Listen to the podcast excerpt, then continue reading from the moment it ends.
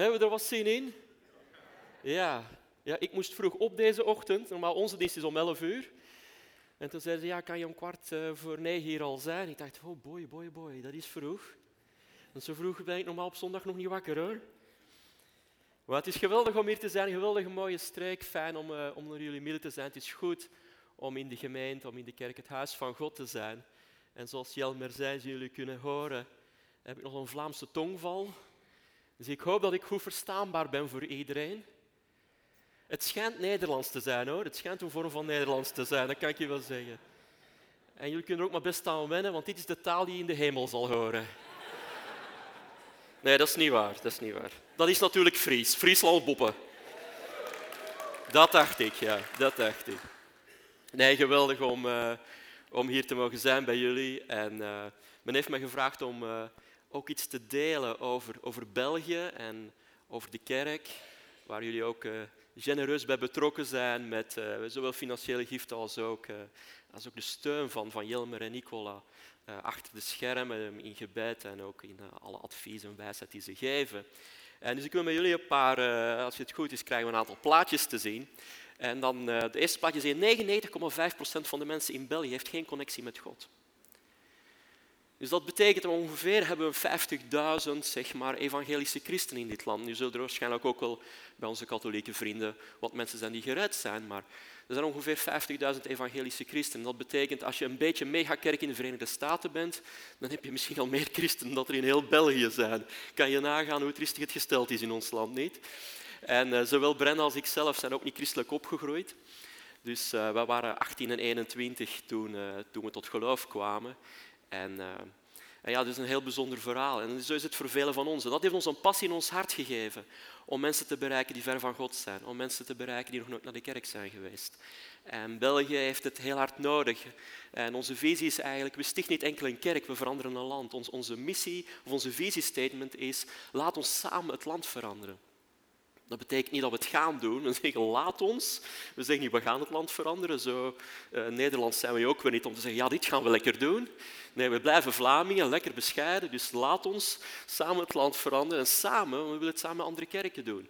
Het gaat niet om ons. We willen samen andere kerken doen. En alles wat we ontwikkelen en maken, uh, willen we graag delen met andere kerken. En we willen graag dat alle kerken groeien in dit land. Want dit land heeft het heel erg nodig. En u kan het zien ongeveer 1 op 5 van de adolescenten, van de pubers, uh, leidt aan één of meerdere depressies. België staat op de tweede plek in Europa wat betreft het aantal zelfdodingen in percentage. En één op de vijf mensen voelt zich niet helemaal lekker in zijn vel. Dus dat zijn cijfers waar je zegt van jongen, jongen, jongen. Er is een geweldige grote nood in België aan het evangelie, aan het goede nieuws van Jezus Christus. En daarnaast hebben we ook geen evangelische traditie.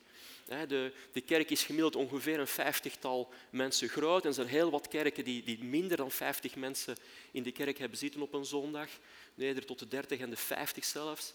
En uh, als er mensen gedoopt worden, is het ongeveer één persoon per jaar. En dat is dan iemand die opgegroeid is in de kerk. En landen als Bahrein en Egypte doen het beter in het aantal christenen procentueel dan België. Dus dan kan je nagaan, als je al achter Bahrein en Egypte moet komen, wat een derde wereldland je dan bent op vlak van, van het evangelie. En dus dat heeft ons een enorme passie gegeven. We zegt, hey, hier moeten we iets aan doen. En zoals Jelmer zei, daar zijn we een aantal jaar terug mee begonnen. Het was in 2011 toen we in een bepaald seizoen zaten in ons leven dat onafhankelijk van elkaar Brenda en ik het gevoel hadden hey, ik denk dat God ons roept om een kerk te stichten voor niet-kerkelijken. En uh, ik zei tegen haar, zei, ja, ik zei, ik heb misschien een gek idee. Ze zei, ja, dat is helemaal niet zo'n gek idee, want ik heb net hetzelfde gevoel. En dat was de, ja, de start van een hele bijzonder avontuur. Daar zijn nog een aantal jaren overheen gegaan, want als God jou een roeping geeft, is het meestal niet eh, on your mark, get set, go. Dan is het meestal nog een tijdje ertussen dat je wat aan jezelf moet werken en, en, en je moet God laten werken. De puzzelstukken moeten in elkaar vallen. En dan denk ik in 2014 zal het geweest zijn. We begonnen met ons launch team. 2015 zijn we gestart met de eerste diensten. En uh, heel mooi. En we hebben dat gedaan in, in het prachtige Leuven. Je ziet daar het stadhuis van Leuven. En het is een hele mooie stad, middeleeuwse stad. Het is een universiteitsstad. Grootste universiteit van, van Leuven is daar. 100.000 inwoners, 40.000 studenten op kamers. Dus dat maakt ongeveer 140.000 mensen die in Leuven wonen. Ehm, een half miljoen inwoners in een omtrek van 20 kilometer. En we zitten zo wat, als je België hebt, ehm, een 20 kilometer of 20 minuutjes rijden ten oosten van Brussel. Als je ongeveer Brussel weet zijn, dan is het ongeveer naar het oosten een 20 eh, minuutjes rijden. En dan de volgende plaatjes, dan zie je uh, links. We komen samen in een katholieke school. En dat is heel bijzonder, want een aantal jaren terug zou dat totaal onmogelijk geweest zijn dat een, een evangelische kerk haar erediensten houdt in een katholieke school. We zijn heel lang weggezet geweest eh, in, in, in België als een soort secte, als iets van de duivel. De evangelische, dat is een raar clubje, daar moet je niks mee te maken hebben. Maar uh, onze, onze bevriende zusters, de nonnetjes, hebben het goedgekeurd dat wij erediensten hebben in hun gebouwen. En daar zijn we heel blij mee. En af en toe zien we ze passeren op zondag en dan zijn we altijd heel hartelijk tegen elkaar. En, uh, en ze zijn altijd heel geboeid en heel lief. Dat is geweldig. En dat is zo'n een beeld van onze diensten.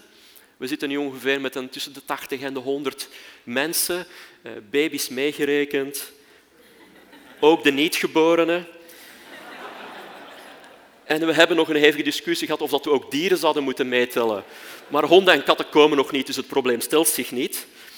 Maar uh, ja, we zijn eigenlijk al een beetje een megakerk in Vlaanderen. Dus met 80, 100 mensen ben je eigenlijk al bijna een megakerk in Vlaanderen. Ongelooflijk, ja, dankjewel. Dat ligt, absoluut niet aan ons. Het is ondanks ons dat het uh, zo is, zou ik zeggen. En uh, aan de rechterkant zie je dan nog uh, de samenkomstruimte van de kids. Samen, samen kerk, samen sterk. we hebben ook nog, ik weet niet of we daar ook nog plaatjes van hebben. Ja, kijk eens aan. We hebben zes connectgroepen over drie verschillende provincies verspreid. Daar zijn we ook heel trots en fier over. We bereiken eigenlijk een groter stuk van het land dan we eigenlijk initieel al bedoeld hadden. we hebben een aantal mensen gedoopt onlangs. Daar zijn we ook heel blij mee. En wat we heel belangrijk vinden, dat ziet u rechts, is dat we de liefde van Jezus handen en voeten geven in de stad. En volgende week bijvoorbeeld hebben we geen samenkomst, maar gaan we samen de stad in. En dan gaan we samen op Surf Day gaan we de stad dienen. We gaan, uh, we gaan een opruimactie doen, dus we gaan zwerfvuil, zwerfvuil verzamelen. En, uh, en we gaan de andere mooie dingen doen om, om iets te doen, terug te doen voor de stad. Omdat we willen tonen dat Jezus meer is dan, dan kerk en het evangelie te verkondigen, maar dat we ook iets willen doen voor de stad en een zegen willen zijn voor de stad. En dus we zijn heel erg dankbaar voor alle steun die we van jullie krijgen op alle vlak. En, uh, en, het is geweldig dat we nu de kans krijgen om, uh, om een beetje te delen hiervan, uh, waar we mee bezig zijn en hoe het met ons gaat. En zoals Jelmer zei, als je ons wil volgen, livekerk.be of op een van de sociale media, vind je ons ook terug. Vorige week zijn jullie gestart met een serie Eervol. En ehm, Jelmer is geopend eigenlijk vorige week. En in deze serie gaan we kijken wat zegt de Bijbel over eervol leven? Wat zegt de Bijbel over eren? En wat is het belang van eren? we zagen dat eren betekent eigenlijk gewicht geven aan, belang hechten, waarde schatten. En je zou zeggen dat uh, eren is belang hechten aan wat God belang hecht. En wie zouden we dan eren? En Jelmer zei het heel mooi vorige week. Hij zei iedereen boven ons, naast ons en onder ons. En dat vond ik een hele mooie samenvatting en definitie van wie we kunnen eren. En wat heel belangrijk is om te weten bij eren, is we eren niet omwille van de prestatie, we eren omwille van de positie. En dat is zo heel moeilijk voor ons mensen, inclusief mezelf, en dat zal voor Jelmer waarschijnlijk ook zo zijn en anderen. We eren iemand omwille van de positie, niet omwille van de prestatie. Dus zelfs als er een baas is die heel moeilijk doet tegen jou, of als er een, een, leerkracht is die heel moeilijk doet tegen jou, of buren, of wie dan ook. We eren omwille van de positie, niet omwille van de prestatie. En dat is vandaag de dag heel erg moeilijk. En we hadden het ook over, of, of Jelmer had het erover, dat waarom eren we dan niet? Wat is een barrière om niet te eren? En dan zagen we in het leven van Jezus en de bediening van Jezus dat uh, bekendheid en ergernis twee barrières zijn waardoor het moeilijk is voor ons om te eren. Als we iemand heel goed kennen, een ouder of, of, of een pastor misschien die je heel goed kent, omdat je hem al jaren kent, dan is het heel moeilijk nog om te eren, omdat je de persoon zo heel goed kent. En het is ook ergernis. Soms gebeuren er dingen, soms doen dingen uh, met ons of voor ons of tegen ons die ons storen, die ons irriteren, ergeren. En is het heel moeilijk om nog eer te geven aan die persoon. Maar wat is belangrijk voor ons? Is dat we zagen in die passage van Jezus en, en in, in zijn thuisstad dat waar geen eer is, is geen zegen. En waar de eer aanwezig is, is er wel ruimte voor God om te handelen. Is er wel ruimte voor God om een zegen te kunnen geven. En dus heel belangrijk is dan ook voor ons, ja, hoe kan ik dan eer geven? En daar wil ik het met jullie vandaag over hebben. Hoe kan ik eervol leven? En ik heb vier B's voor jullie meegebracht. De Belg heeft vier B's, zo kan je het makkelijk onthouden. De Belg heeft vier B's meegebracht, stel je voor. En het, de eerste B is belang geven. Belang geven. En ik weet niet wat erop komt. Ja, voilà. Dus mensen die een outline graag invullen. Het eerste dat je kan invullen is belang geven. Kijk, de Bijbel spreekt heel veel over eren en eer geven, maar spreekt iets minder over hoe we dat nu praktisch doen. Nu, wat we wel zien in de Bijbel, is dat wat eerst is, is belangrijk. Wat eerst is, is belangrijk. Wat eerst is, is belangrijk en wat belangrijk is, verdient eer. En dat is ook zo in het dagelijks leven. Alles wat eerst is, is belangrijk. De eerste divisie, in welke sport dan ook, is de belangrijkste divisie de eerste zorgen bij een ongeval of bij een ziekte of een hartaanval of zoiets zijn, zijn de belangrijkste zorgen. Het zijn die eerste zorgen. De eerste vertoning van een film of een theaterstuk, de première of de avant-première, is de belangrijkste vertoning. En zo is het ook met God. Als we God en anderen willen eren, dan doen we dat door hen eerst te zetten, door hen belang te geven. Je zou kunnen zeggen, door hen de prioriteit te geven, prioritiseren. Maar dat had geen B, dus dat kon ik niet gebruiken. Dus heb ik maar belang geven gebruikt. Ja, want anders had het iets als uh, prioritiseren, maar dat bestaat natuurlijk helemaal niet, ook niet in Vlaanderen. Maar als we God de eer willen geven, dan, dan is het om Hem eerst te zetten. En Matthäus 6,33 zegt, zoek eerst Gods koninkrijk en zijn gerechtigheid, de manier van God, de wegen van God, de principes van God, zijn gerechtigheid, dan krijgt u al het andere erbij. Dat is de mooie belofte voor elk van ons. En vaak zitten wij te zoeken naar alles en nog wat om, om al dat andere te krijgen, terwijl het heel simpel is. Zoek eerst Gods koninkrijk, zijn gerechtigheid, zijn manieren, zijn principes. Dan krijgt u al het andere erbij. Dus als je meer van God wil in jouw leven, is het heel simpel. Zet Hem eerst. Zet hem eerst, zet zijn principes eerst, zet zijn opinies eerst, zet zijn manieren eerst. En dan geef je hem eer. En men zegt wel eens wel, als je wil weten wat belangrijk is in iemand zijn leven, dan vraag je gewoon iemand zijn rekeningafschriften en zijn agenda. En dan zie je wat belangrijk is voor iemand. Want voor de meeste van ons is onze tijdsbesteding en hoe we met financiën omgaan, dat is waar ons hart zit. Dat vinden we heel belangrijk. En dus is het belangrijk als we God willen eren, dat we hem eerst zetten in onze tijdsbesteding. En dat we niet zeggen van, hé hey, ja, weet je wat, als ik misschien nog tijd heb in mijn drukke agenda, dan zal ik naar een kleine groep gaan of naar een kring gaan. Nee, dit is belangrijk voor mij. Levensverandering vindt plaats in de context van relaties. Ik heb dit nodig, maar ik wil het ook doen voor God. Ik wil God op de eerste plaats zetten. Dus wanneer komt mijn kleine groep of die kring samen? Op donderdag, oké, ik blok al mijn donderdagen af. Dit hier zet ik God eerst. Ik wil God eren. Ja, als ik niks anders te doen heb, als het uh, slecht weer is, ja, dan kan ik misschien eens naar de zondagdienst komen. Nee, ik wil God eerst zetten in mijn leven. En elke zondagochtend wil ik trouw naar de dienst gaan. Want ik wil God eerst zetten in mijn leven en zo wil ik Hem eren. Ja, als ik, als ik nog een ruimte vrij heb in mijn agenda, dan kan ik misschien meehelpen in een of ander team. Nee, het is belangrijk om geëngageerd te zijn in mijn kerk. Ik wil me planten in de kerk, in mijn gemeente, hier in de Salvator of een andere kerk. Maar ik wil me planten in de lokale kerk. Ik wil me inzetten. Ik wil God de eer geven. Ik wil God eerst zetten. En dat doe ik ook door mijn gaven, door mijn talenten, door mijn passies in te zetten voor Hem. In te zetten voor anderen. In te zetten in de lokale gemeente, in de lokale kerk. Weet je, we hebben het allemaal druk, maar we hebben het nooit te druk voor de dingen van God. En ook in onze financiën. Ook in onze financiën. Spreuken 3.9 zegt, vereer de Heere met uw rijkdom en met de eerstelingen van al uw inkomsten. Kijk, God is niet geïnteresseerd in ons geld. God is geïnteresseerd in ons hart. En voor de meesten van ons gaat die weg over ons hart. De weg, de weg naar ons hart gaat over geld. We zijn onze portemonnee, ik weet niet wat jullie portemonnee zeggen in Nederland. Nee, portefeuille, portemonnee, ja, u, weet, uh, geldbuidel, geldknip, weet ik veel hoe je het noemt, hier. In ieder geval, de, de, weg, de weg naar ons hart gaat over ons geld. Het is belangrijk dat we God eren, ook door onze financiën.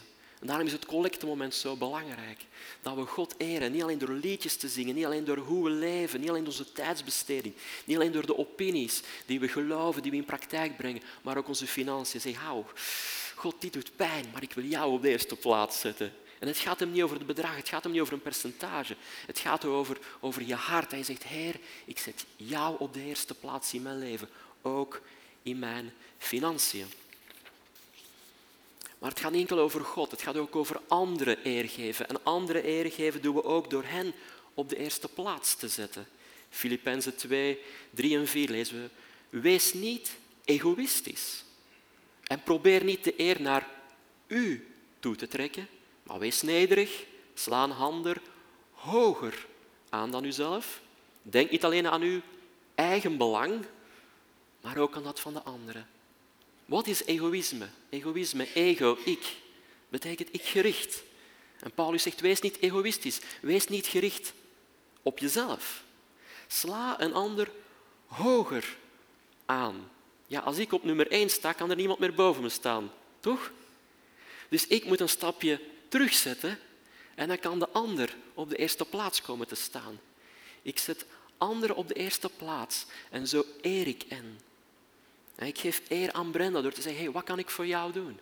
Hoe kan ik een zegen voor jou zijn? Wat heb jij nodig? Niet van, wat heb ik nodig? Hoe kan jij me tot zegen zijn? Wat kan jij voor mij doen? Wat kan ik uit de relatie halen? Wat kan ik uit het huwelijk halen? Nee, wat kan ik voor jou doen? Hoe kan ik jou dienen? Hoe kan ik er voor jou zijn? Naar je collega's toe, medestudenten, je ouders, je kinderen. Wat kan ik voor jou doen? Hoe kan ik jou tot een zegen zijn in het leven? Dat geeft eer. En dat geeft eer aan anderen. En dat is heel belangrijk. We eren anderen door God en anderen belang te geven, op de eerste plaats te zetten.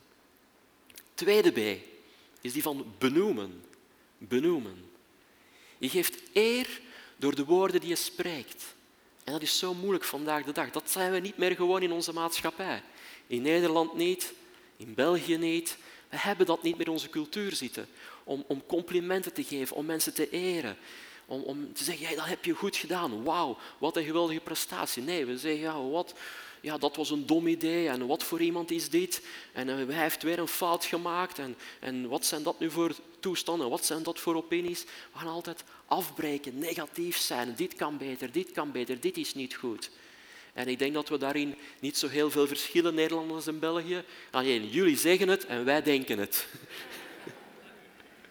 ja, zo is het toch?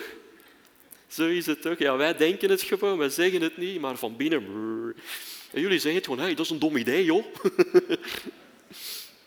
En weet je, we hebben, niet meer, we hebben niet meer de gewoonte, ook niet in onze christelijke kerkcultuur, om, om eer te geven aan mensen. Want dan denken we, we denken snel dat dat zonde is. Ja, je moet mensen geen eer geven, je moet God alle eer geven.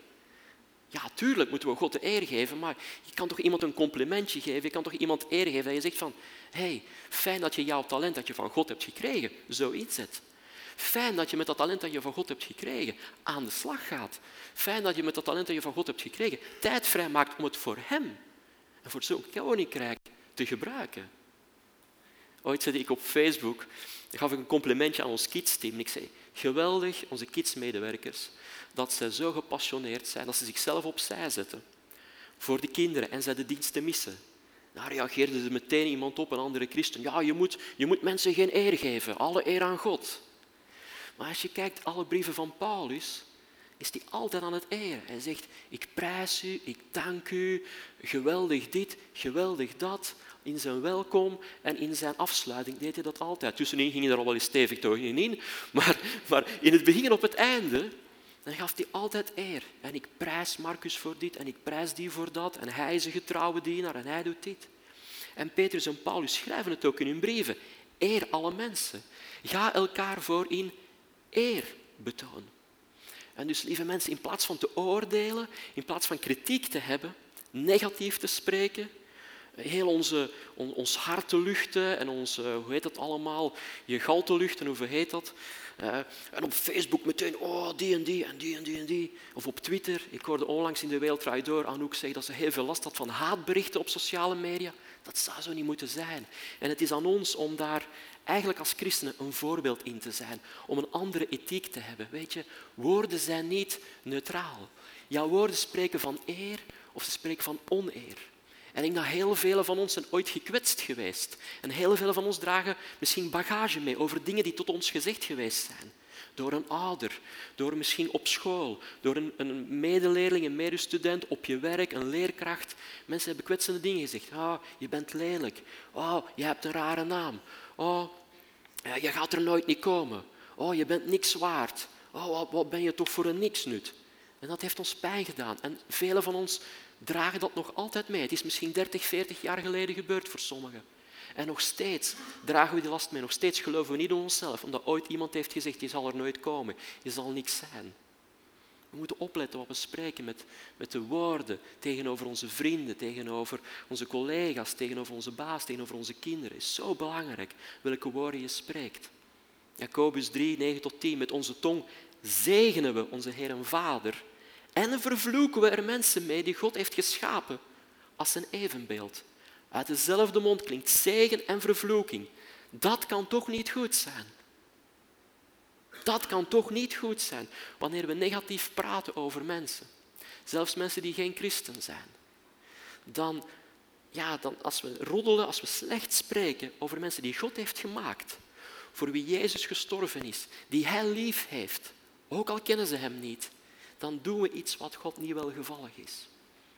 En Jezus zegt dat wat we uitspreken, verraadt wat er in ons hart zit. Matthäus 12 lezen we, of een mens vol goedheid of vol slechtheid zit, blijkt uit wat hij zegt. Niet alleen uit wat hij doet, niet alleen uit wat hij denkt, uit wat hij zegt. Onthoud dit, op de dag van het grote oordeel zult u zich moeten verantwoorden voor ieder nutteloos woord nutteloos woord dat u hebt gezegd. Dus laat ons opbouwende, positieve woorden spreken tegen elkaar. Het moet niet fake worden, het moet niet plastiek worden. Het moet natuurlijk wel gemeend en authentiek zijn. Maar laat ons oefenen om te zeggen, hé, hey, dat heb je goed gedaan. Hé, hey, ik bewonder jouw doorzettingsvermogen. Hé, hey, ik bewonder jouw trouw. Hé, hey, ik bewonder jou omdat je zo omgaat in die moeilijke situatie. Hé, ik bewonder jou omdat je zo mooi kan zingen omdat je dat talent dat je van God hebt gekregen zo inzit. Hé, hey, ik bewonder jou voor dit, voor dit. Hey, dat heb je lekker gekookt. Hey, dat heb je goed gedaan. Hey, je hebt goede inzichten. Laat ons bemoedigende, opbouwende woorden spreken. Laat ons een andere ethiek hebben, een andere gewoonte hebben dan zo vaak vandaag in de maatschappij. Efeziërs 4:29. Laat geen vuile taal over uw lippen komen, maar alleen goede en opbouwende woorden die goed doen aan wie ze hoort. En hoe vaak hebben we al geen woorden gesproken die pijn deden aan anderen? Misschien een ruzie met je partner, dat je er iets uitvloept, zonder, zonder dat je het eigenlijk gewild hebt. Maar, maar dat doet pijn aan die ander. Ook al heb je het misschien niet slecht bedoeld. En ook was het in de heat of the moment, in het, vuur van de strijd, het heetst van de strijd. Maar laat ons opletten welke woorden we gebruiken. Laat ons eer geven met de woorden die we spreken. Een derde B is het B van beschermen. Beschermen. En vorige week zagen we ook dat zowel in het Hebreeuws als het Grieks, de taal van het Oude Testament en het Nieuwe Testament, dat eren betekent waarde geven, hoog inschatten. En is het niet zo dat alles wat belangrijk voor ons is, dat we dat heel erg beschermen? We hebben alarmsystemen voor onze huizen, voor de auto's, we beschermen onze kinderen als we kinderen hebben. We zijn heel erg beschermd voor onze kinderen. We beschermen alles wat we hebben in ons leven. Heel erg. In België is het zelfs zo, ik weet niet of in Nederland zo is, maar in België als je geldtransporten hebt, dan worden die beschermd door politiepatrouilles. Wat waarde heeft, dat wordt beschermd. En dat zouden wij ook moeten doen. We zouden eigenlijk door te eren de eer moeten beschermen en anderen moeten beschermen. We kennen allemaal het verhaal van de ark van Noach. Maar het stopt daar niet. En, Noach, na de, het verhaal van de ark, gaat een wijngaard bouwen. Hij wordt wijnboer. En uh, hij heeft dan een, uh, een Château Arc de Noah of zo uitgebracht, weet ik veel. Het schijnt dat er nog enkele flessen, flessen beschikbaar zijn op marktplaats.nl. Ik weet niet of ze te drinken zijn, maar ze zijn nog wel beschikbaar. Maar in ieder geval, het moet uh, redelijk straffe kost geweest zijn of hele lekkere, Want de Bijbel zegt ons dat hij dronken was. Hij had een beetje te veel, of het was straffen, maar hij was heel dronken van de wijn geworden en hij lag naakt. En Noach had drie zonen en een van die drie zonen komt eh, bij hem en ziet hem naakt liggen. En het probleem is niet zozeer dat hij daar naakt lag. Het probleem was de hartgesteldheid van die ene zoon. En, en, dus die ene zoon die gaat terug naar, eh, naar de twee broers en, en die heeft een soort van, van negativiteit in zijn hart. En zo van, onze pa lag naakt. en dus hij gaat heel erg spotten en heel erg lachen uh, ten opzichte van de broers. En hij zegt, oh, onze vader lag helemaal naakt. Wat een loser, die, die, uh, die pa van ons, die lag helemaal naakt. Heb je hem daar zien liggen? En die, die twee broers die hebben een andere mentaliteit. Die twee broers, wat doen die? Die horen dat en die gaan naar de vader toe. En de Bijbel zegt, ze gaan achterwaarts, en ik weet niet hoe je dat doet, achterwaarts, maar achterwaarts met een mantel stappen ze naar hun vader toe. En ze leggen de mantel over hem heen. Nu, wat heeft dat te maken met een eervol leven? Wat heeft dat te maken, of wat is de les voor ons? De ene zoon spot met zijn vader, hij maakt hem belachelijk. De twee andere zonen beschermen de eer van de vader. De Bijbel zegt, en dit is belangrijk voor ons, de Bijbel zegt dat de ene zoon vervloekt werd, de twee anderen werden gezegend. En dit is de les voor elk van ons. Hoe reageren wij als je iemand een fout ziet maken? Hoe reageer jij als iemand een fout maakt? Hoe reageren we als iemand iets doet waarvan we denken, ho, ho, ho, ho, man, man, man. Hoe reageren we daarop? Ben je zoals die ene zoon? Die gaat uitlachen, die gaat spotten, die gaat belachelijk maken, die gaat negatief zijn, die het eigenlijk publiek gaat maken. Weet je wat die heeft gedaan? heb je dat al gehoord? Heb je dat gehoord van die ene? of zijn we zoals die twee andere zonen en zeggen, ik ga niet met de vinger wijzen, ik kom naast je staan. I got your back. Ik bescherm je. En dit betekent niet dat we alles moeten toedekken met de mantel der liefde, maar dit betekent het volgende. In publiek gaan we beschermen. In de privé gaan we zeggen, hey, kom eens. Dat was niet goed wat je gedaan hebt. Maar we gaan het niet publiekelijk doen. We gaan er geen publieke lynchpartij van maken, wat zo vaak gebeurt vandaag de dag. Iemand doet iets en hop, heel de media springt erop. Of nu een sportman is, een politieker of wat dan ook. Er gebeurt is een zakenman, een bedrijf. Heel de media meteen negatief, meteen veroordelen. Iedereen op sociale media. Ik hou van sociale media, maar niet van dat kantje. Iedereen meteen negativiteit spuien, kritiek hebben, iemand afmaken. En dat zouden wij als christen niet moeten doen. Ik zeg niet dat jullie het doen, want jullie zijn natuurlijk allemaal heel brave mensen. Maar het gebeurt wel. Althans toch in Vlaanderen, in Nederland waarschijnlijk niet. Maar in Vlaanderen zie je het wel eens gebeuren. En denk ja, weet je, dat mensen in de maatschappij dat doen, dat snap ik misschien nog wel ergens wel. Maar wij als christenen zouden dat niet moeten doen. Een paar jaar terug was er een Belgische teenkamper. En uh, ja, die, die was positief getest op doping. En natuurlijk zegt hij, ja, ik heb helemaal geen doping genomen, ik ben voor uh, dopingvrije sport en ik ben altijd clean geweest. En iedereen, ja, tuurlijk, dat zal wel. Niemand gelooft hem, het wordt volop in de pers uitgesmeerd. Thomas van der Plaats is een dopingzondaar. En hoe heeft hij ons zo kunnen belegen en bedriegen? Pijnlijke is dat de stof waar hij op getest werd, of de stof die eigenlijk boven de limiet zat, is ook de stof die aanduidt of je kanker hebt of niet. En dus Thomas van der Plaatsen moest in allerijl de dag nadien een pestconferentie inlassen om te zeggen ik heb teelbalkanker. Dus één kom je in de pers als dopingzonder terwijl je eigenlijk niks genomen hebt en de andere dag moet je een persconferentie inlassen. Hij had het zelfs zijn familie nog kunnen, niet kunnen vertellen om te zeggen ik ben niet positief op doping, ik heb teelbalkanker en ik ga me vanaf morgen laten verzorgen. Wat als de media, wat als iedereen de ethiek had gehad om te zeggen, wij geven hem het voordeel van de twijfel. We gaan de eer beschermen van deze sportman en we wachten gewoon tot de tegenexpertise bekend is. Het is zo belangrijk dat we de eer van anderen beschermen. Het is zo belangrijk dat we anderen beschermen, dat we aan een cultuur bouwen van een eervol leven. Dat we een cultuur bouwen van de eer te beschermen. Maar laat ons ook de eer van God zoeken en de eer van God beschermen. Johannes 7, 18. Wie zijn eigen ideeën verkondigt, zoekt zijn eigen eer. Maar wie de eer zoekt van degene die hem gestuurd heeft, heeft geen verkeerde bedoelingen. Zo iemand is betrouwbaar.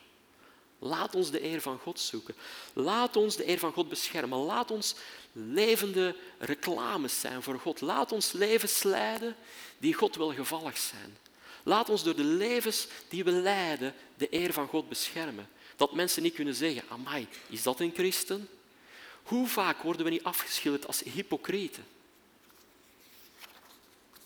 Laat ons de eer van God beschermen door een voorbeeld te zijn hoe we leven. Laat ons de eer van God beschermen. Laat ons de eer van anderen beschermen. En dan de laatste, de laatste is bewerkstelligen. Bewerkstelligen. Je daden spreken meer dan woorden. Er is een bepaalde voetbalclub die zegt geen woorden, maar daden. En dat is ook zo. Dat is ook zo. Jacobus 1, 22. Vergis u niet. Alleen horen, alleen horen is niet genoeg. U moet wat u gehoord hebt ook doen. Je moet het ook in praktijk brengen. Je moet het ook in praktijk brengen. Maar wel, Christophe, hoe kan ik dat in praktijk brengen? Want als het niet alleen gaat over belang geven, benoemen en beschermen, maar ik moet het ook bewerkstelligen, ik moet het ook in praktijk brengen. Hoe kan ik dat dan doen? Weet je, het zijn vaak banale dingen. Het zijn vaak dingen die niet moeilijk zijn, maar die wel makkelijk vergeten worden. Het zijn zaken als positieve woorden, dankbaarheid, gericht zijn op de ander, op tijd komen, afspraken nakomen, verwittigen als je de afspraak niet kan nakomen, verwittigen als je niet op tijd gaat kunnen komen. Rekening houden met de impact van je beslissingen op anderen. Uitgaan van het goede in de ander. Geen oordeel, brengen, geen oordeel uitbrengen over een beslissing waar je niet alle details van kent.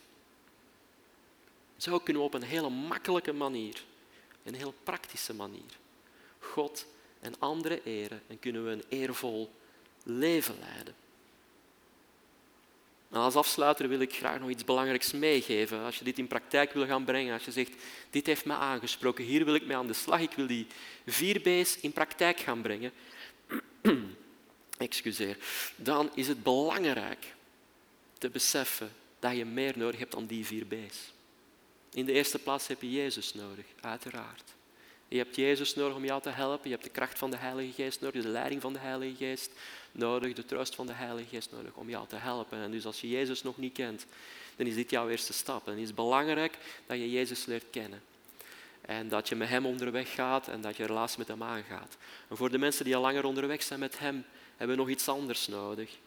En dat is het volgende. Telkens we de Bijbel spreekt over eer, zien we er een andere waarde naast. Op heel veel plekken in de Bijbel. Een belangrijke waarde. En ik heb nog snel vier voorbeelden uit spreuken. En het eerste voorbeeld, spreuken 1533. Wie ontzag heeft voor de Heer, wint dan wijsheid. Bescheidenheid gaat dan eerbetoon vooraf. Spreuken 1812. Wie zichzelf in de hoogte steekt, komt een val. Bescheidenheid gaat dan eerbetoon vooraf. Spreuken 22:4. Wie bescheiden is en ontzag heeft voor de Heer, wordt beloond met rijkdom, eer en een lang leven. Spreuken 21:23. De hoogmoed van een mens brengt hem ten val. Eer is weggelegd voor wie bescheiden is. De sleutel tot een eervol leven is bescheidenheid, is nederigheid. En dat betekent niet minder van jezelf denken, dat betekent minder aan jezelf denken.